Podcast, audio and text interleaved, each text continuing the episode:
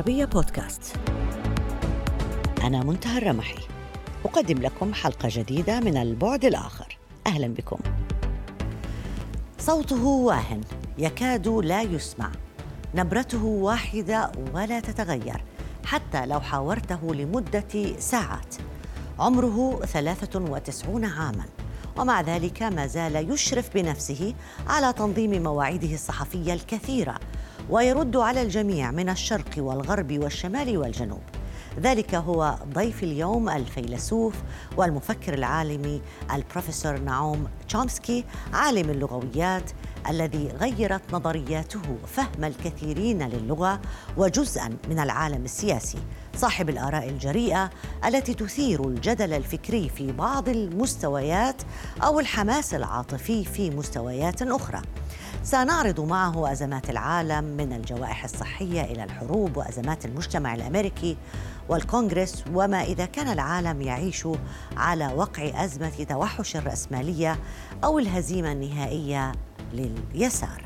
وأرحب مشاهدينا الكرام بالبروفيسور نعوم تشومسكي. أهلا بك معنا وشكرا على قبول دعوتنا. كلنا يعرف خلفيتك اليسارية. ما رأيك في تصريحات الرئيس الروسي فلاديمير بوتين وهنا أشير لتصريح محدد في الحادي والعشرين من فبراير قبل الحرب بثلاثة أيام. قال أو أشار إلى أن أوكرانيا هي أوكرانيا فلاديمير أليتش لينين.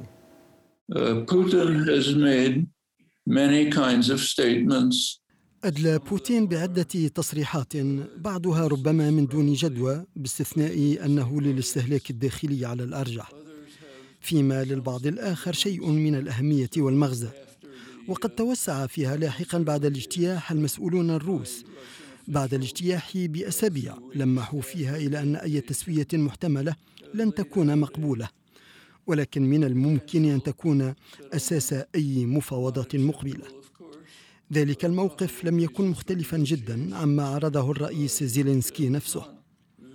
هذا يشكل فرصة للتحرك في سبيل تسوية يتم التفاوض عليها.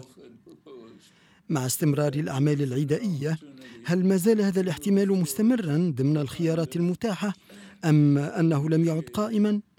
نحن لا نعرف، والسبيل الوحيدة للتأكد هو المحاولة. القوى الأوروبية وأعني هنا إيطاليا وألمانيا وفرنسا قامت ببعض المحاولات من أجل التحرك صوب نوع من المفاوضات. الولايات المتحدة وبريطانيا وهما دولتان محاربتان رفضتا ذلك بكل حزم. الولايات المتحدة أعلنت الرفض بكل وضوح ثم تبعتها بريطانيا آليا. واعلنتا أنه يتعين على الحرب أن تستمر حتى تلحق بروسيا أضرار جسيمة بل أضرار جسيمة جدا بما يشلها نهائيا عن تكرار مثل هذا التحرك. وهذا يعني عقوبات أشد حتى من تلك التي ضمنتها معاهدة فيرساي عام 90 900 وألف بين الحلفاء والدول المرتبطة وبين ألمانيا. وهذا يعني أن العقوبات لم تكن مشددة بما يكفي ولذلك فإنه كلما طالت الحرب كلما كان الضرر والتداعيات التي تلحق أوكرانيا وبقية العالم أقسى. وهو ما يعني أيضا أنه كلما استمرت الحرب كلما أحاطت بالعالم أضرار ومخاطر كبيرة. هكذا يتم تسيير الأمور الآن. لكن على عكس ما يعتقده الكثيرون تبدو الحرب في أوكرانيا من وجهة نظر بوتين اجتثاث للشيوعية أو طي لصفحتها والعودة إلى الحالة الإمبراطورية. كيف تقرأ هذا الموقف إذا كنت توافق عليه؟ I've been a bitter opponent of the Bolshevik revolution for منذ انتهاء فترة 75 سنة من الثورة البولشيفية بحصيلة مريرة. تبدو هذه الحرب محاولة لاستعادة ما كان عليه الوضع زمن الملكية الروسية. كانت هناك سلسلة من العروض التي قدمتها روسيا قبل الاجتياح. تدعو تلك العروض إلى حصيلة لا تختلف جدا عن تلك التي قدمتها حكومة الرئيس الأوكراني فولودومير زيلينسكي. أساس تلك الحقوق هو تحييد أوكرانيا ما يعني وضعا شبيها بالنمسا أو المكسيك وإرجاء حل وضع القرم حتى إيجاد الحلول للمسائل العالقة الأخرى. كما كان هناك مقترح بشأن إقليم الدونباس قبل عامين. اقترحت روسيا فدرلة أوكرانيا مع حكم ذاتي معتبر لإقليم دونباس أي نظام يشبه ذلك المعمول به في سويسرا وبلجيكا. لكن الولايات المتحدة رفضت هذين المقترحين بل وأعلنت صراحة أنها لن تقبل بأي ضمانات أمنية أو غيرها من روسيا بل واعتبرت أن من شأنهما إلحاق مزيد الضرر وأنها تمنح مزيدا من الانفصالية لمنطقة الدونباس. هذا هو الوضع حاليا ولا أعتقد أنه حصيلة مقبولة ولكنني أعتقد أنه يشكل أساسا للمفاوضات لو كانت الولايات المتحدة راغبة بالمضي في هذا الاتجاه بعدم العمل على تقويضها. والآن نرى بوتين وهو يدلي بعدة تصريحات عن الملكية الروسية. وأعتقد أنه بإمكاننا بكل بساطة تجاوز هذا إذا كنا نرغب بإيجاد حل وإذا كنا نرغب بالتطلع إلى مفاوضات ممكنة من أجل التوصل إلى تسوية ضمن إطار العمل الذي لمح له زيلينسكي ومسؤولون روس رفيعو المستوى فمثلا قال وزير الخارجية الروسي سيرجي لافروف عندما بدأ الاجتياح إن أهداف ذلك هو ضمان حياد أوكرانيا وأيضا نزع سلاحها. يمكن المجادلة بشأن ما تعنيه عبارة نزع السلاح ويمكن شرحهما بأنهما ضمان عدم امتلاكها أسلحة هجومية توجه ضد روسيا. وهذا يعني وضعا مثل ما قلت من قبل مشابها لوضعي النمسا والمكسيك. هذه أرضيات للتفاوض يمكن متابعتها أو رفضها.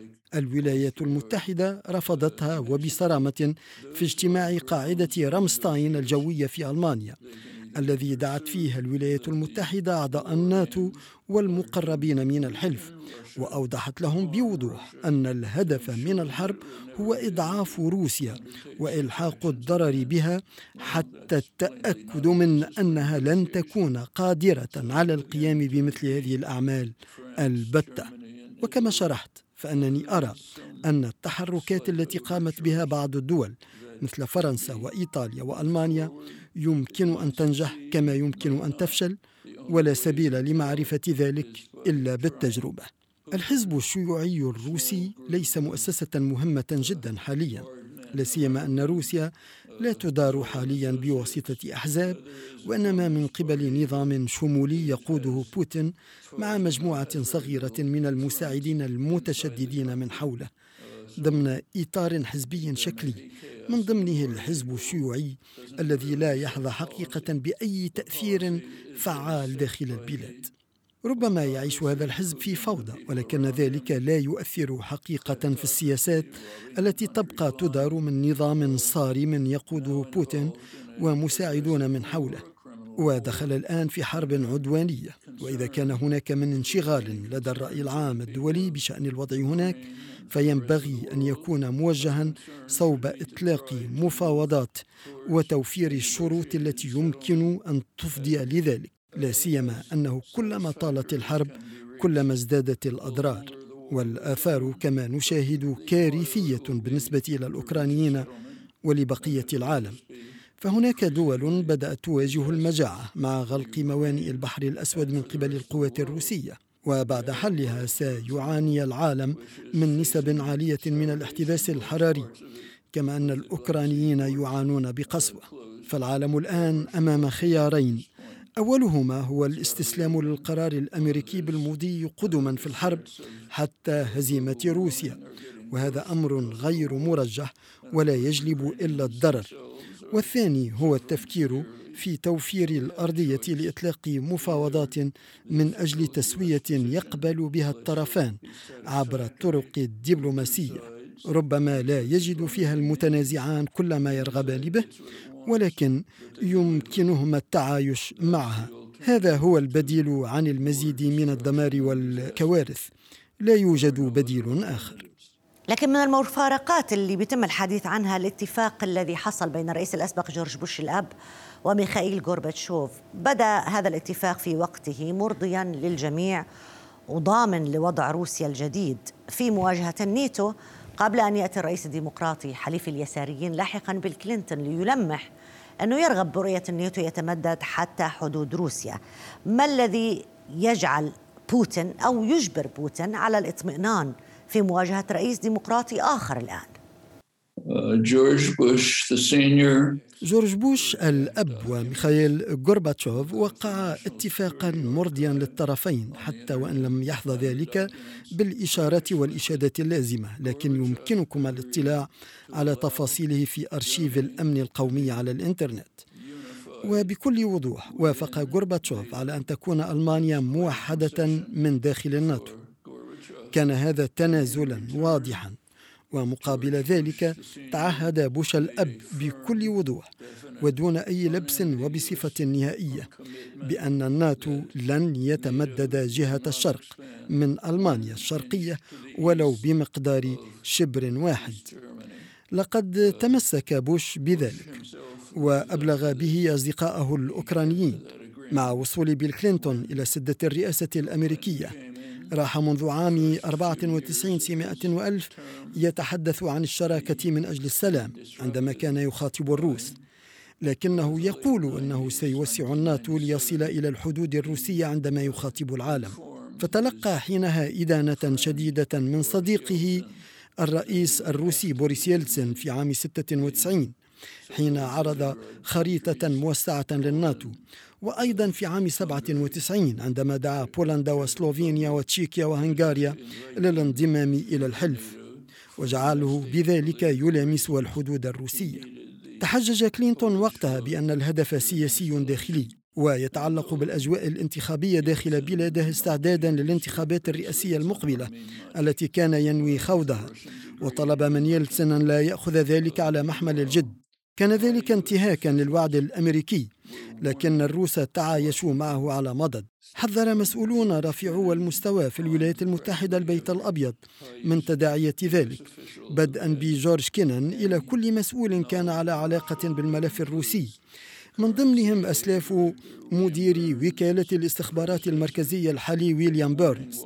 لقد كان كل هؤلاء يحذرون البيت الأبيض من مغبة مزيد الضغط في هذا الملف لأنه حتى قبل صعود بوتين للحكم تعد جورجيا وأوكرانيا من الخطوط الحمر لموسكو التي لن توافق البتة على تجاوزها. لم يستمر كلينتون في سعيه ثم وصل جورج بوش الابن إلى البيت الأبيض عام 2001 ليطيح بتعهد والده تماما داعيا عددا من دول الاتحاد السوفيتي السابق للانضمام إلى الناتو. بما في ذلك دعوة لأوكرانيا عام 2008 في خطوة عارضتها كل من فرنسا وألمانيا بسبب إدراكهما لخطورتها. لكن الولايات المتحدة بسبب قوتها ونفوذها لم تغير من موقفها حتى جاء عام 2014 والذي دعمت فيه الولايات المتحدة أوكرانيا بالسلاح والتدريب العسكري عاكسة رغبتها في توسيع الناتو. رفضت روسيا ذلك عام 2019 انتخب زيلينسكي بنحو 70% من الأصوات. جرى انتخابه وفق تفويض لإحلال السلام ضمن اتفاق مينسك اثنين عندما بدأ تنفيذ رؤيته جوبها بتهديدات بالقتل من الميليشيات الأوكرانية اليمينية. كان يمكنه مجابهة ذلك لو حصل على دعم أمريكي لكن واشنطن رفضت ذلك مصممة على مزيد تأزيم الوضع عسكريا. في سبتمبر العام الماضي التقى بايدن زيلينسكي واستخدم كلمات ترمز إلى تجاوز الناتو لحدوده وتعهد بالتزام بلاده. الدعم الكامل لاندماج أوكرانيا في الناتو وأتبع ذلك بوثيقة رسمية وقعها في نوفمبر وزير الخارجية. وفي مارس بعد الاجتياح أعلنت وزارة الخارجية الأمريكية أنه ما من مطالب أمنية روسية كان يتعين أو يتعين من هنا فصاعدا أن تؤخذ بعين الاعتبار في أي تفاوض كان كل ذلك بمثابة التدرج حتى الوصول إلى اجتماع قاعدة رامستاين الذي أعطى الصورة الأوضح والتي ستكون نهائية إلا في حال تم على الأقل اعتماد مقترحات ألمانيا وإيطاليا وفرنسا. وإلا فإن الوضع سيكون من سيء إلى أسوأ لأوكرانيا وبقية العالم بسبب تمدد التداعيات السيئة للحرب. قبل يومين قال هنري كيسنجر في أحدث حوار صحفي له إنه معجب بكيفية تعامل الناتو مع الحرب. هل تتفق معه في هذا الإعجاب؟ I agreed with Kissinger on some things. أتفق مع كيسنجر جزئيا ولكن ليس كليا أعني أن نوع الأسلحة التي ينبغي إرسالها ربما يكون أمرا صائبا. ولكن الأمر الخطأ هو رفض التفاوض وتقويض كل احتمال له. لدي بعض الاعتقاد في كون كيسنجر يوافق أيضا على هذا لكنه ليس هذا هو التصريح الذي يمكن أن يدلي به. الإصرار على التركيز على كل ما يحتمل أن تقبل به أي حكومة روسية هو مجرد أسلوب للمضي قدما في الحرب مع ما تجلبه من دمار وآلام وتداعيات كارثية على بقية أنحاء العالم. لا توجد حقيقة طريقة لوقف هذه الحرب ما دامت الولايات المتحدة ترغب من ورائها في إضعاف روسيا أو هزمها. ذلك أمر لن يقبل به بوتين البتة وإذا اضطرته مجريات الأمور فيها فإنه سيلجأ إلى أكثر أسلحته إيلاما والتي يعرفها جيدا والتي ستدمر أوكرانيا بالكامل. فإذا كنتم ترغبون بذلك فعلى الأقل كونوا واضحين في التصريح به. هل حققت الإدارة الأمريكية أي نجاح يستحق الذكر في صراع الشرق الأوسط؟ ممكن الإشارة إليه هنا؟ In the Arab world, if you're speaking of the Arab Spring, في العالم العربي إذا كنت تتحدثين عن الربيع العربي فالأمر يتعلق بانتفاضات شعبية أدت إلى إطاحة أنظمة. في كييف وأعتقد أنك تشيرين إلى عام 2014 كانت هناك انتفاضة شعبية أطاحت الرئيس المنتخب وقتها. والرئيس دعا إلى انتخابات أخرى وهو ما رفضه المنتفضون. ولذلك يطلقون على ما حدث انقلابا وليس أنا. الجميع يسمون ما حدث انقلابا. دعنا نتحدث قليلا عن الوضع الداخلي الأمريكي وعن الاستقطاب تحديدا الذي يحدث هناك ويبدو أنه بلغ درجة أصبحت فيها الديمقراطية الأمريكية عاجزة بحيث إنها توصف بأنها غير قادرة على تمثيل الأغلبية، ما الذي أوصل الولايات المتحدة إلى هذا الوضع برأيك؟ American democracy seems unable to represent the majority. What are the factors? الديمقراطية الأمريكية تواجه مشكلا تمثيليا هذا سؤال طويل ومعقد كثيرا يليق بنقاش طويل أكثر منه إجابة خاطفة ما حدث أنه في السنوات الأربعين الماضية تعرض الشعب الأمريكي لاعتداء قاس جدا نطلق عليه برنامج الليبرالية الجديدة الذي بدأ على يد رونالد ريغن في الولايات المتحدة ومارغريت ثاتشر في بريطانيا وانتشر إلى باقي أنحاء العالم. كان لتلك البرامج تداعيات قاسية جدا على السكان. لقد أشارت مؤسسة راند شبه الحكومية وذات الصيت العالي إلى أن من نتائج ذلك ما أسميه نقلا للثروة من الطبقة الأدنى التي تمثل 90% من السكان أي الطبقة الوسطى والطبقة العاملة إلى نخبة نخبة المجتمع التي تعادل واحدا بالمئة وبما يمثل خمسين تريليون دولار. لقد تم السطو على هذا المبلغ الضخم من الطبقة العامة إلى الجزء الأكثر ثراء في المجتمع الأمريكي. كان لذلك تداعيات صعبة جدا على السكان. أدى ذلك في الأثناء إلى إضعاف منظمات المجتمع الشعبية حتى أن أكبر النقابات جرى تدميرها افتراضيا. خلف ذلك غضبا وحنقا لدى الناس انعكس لاحقا في ازدرائهم للسلطة وحتى للقوانين التاريخية. لقد وصل الأمر بالحزب الجمهوري مثلا إلى العمل علنا وليس سرا على التوصل لأساليب تمنع فئات من الناس من أي تصويت قد يؤدي إلى خسارته. هذه هي التطورات التي تشهدها الديمقراطية الأمريكية وهي تطورات خطيرة. ويمكنكم يوميا تقريبا في هذه الفترة أن تشاهدوا جلسات الاستماع بشأن أحداث الكابيتول في السادس من يناير 2020 والتي كانت محاولة انقلاب واضحة لإطاحة الحكومة المنتخبة بغض الطرف عن معتقدات وأفكار الأشخاص الضالعين في تلك الأحداث والتي كادت تزهق فيها أرواح أعضاء في الكونغرس ونائبة الرئيس. ولم تكن إلا شجاعة والعدد الفائق لرجال الأمن التي منعت الأسوأ من الحدوث. كان ذلك مكرسا للخطر الذي يواجه الديمقراطية الأمريكية والذي ما كان له ليظهر لو تم اتخاذ السياسات الملائمة اقتصاديا واجتماعيا وعلى جميع الأصعدة. الآن نرى الكثير من الحركات في الشارع الأمريكي مثل أنتيفا وغيرها وهي مؤسسات من الواضح أنها بتستهدف حتى الدولة وهيكلية الدولة وتحاول تتفيه مؤسسات الدولة لا سيما الأمنية. إلى أي مدى تثق في كون خلفية مثل هذه التجمعات خلفيات يسارية؟ Uh, a lot of movements in the United States like Antifa. عدة منظمات أمريكية يشار لها على أن لها خلفية يسارية وتمارس العنف من ضمنها أنتيفا. تقريبا لمثل هذه التصريحات دقة تقارب الصفر. دعيني أقول أن أنتيفا هي إلى حد كبير محض اختلاق من نظام الدعاية التابع لليمين المتطرف وهي تقريبا لا توجد ومن السخف الحديث عنها. انها ميليشياتهم هم أي اليمين المسلحة بقوة التي تهدد الحكومة. لقد اجتاحت مبنى الكابيتال في السادس من يناير وأوقفت أعمال الحكومة. إنها كلها من اليمين المتطرف.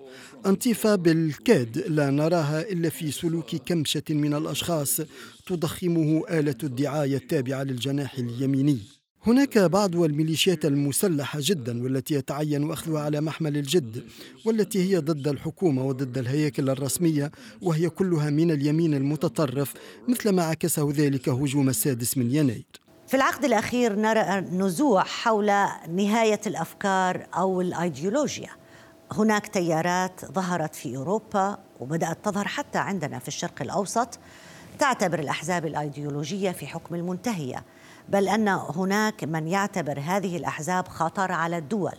إلى أي مدى توافق على ذلك؟ In Europe, uh, we just saw uh, very clear. في أوروبا تحديدا نشهد مظاهر لهذا وأحدثها الاجتماع الأخير في هنغاريا. لقد كان اجتماعا مهما في الدولة التي تعد معقل الترويج للديمقراطية غير الليبرالية.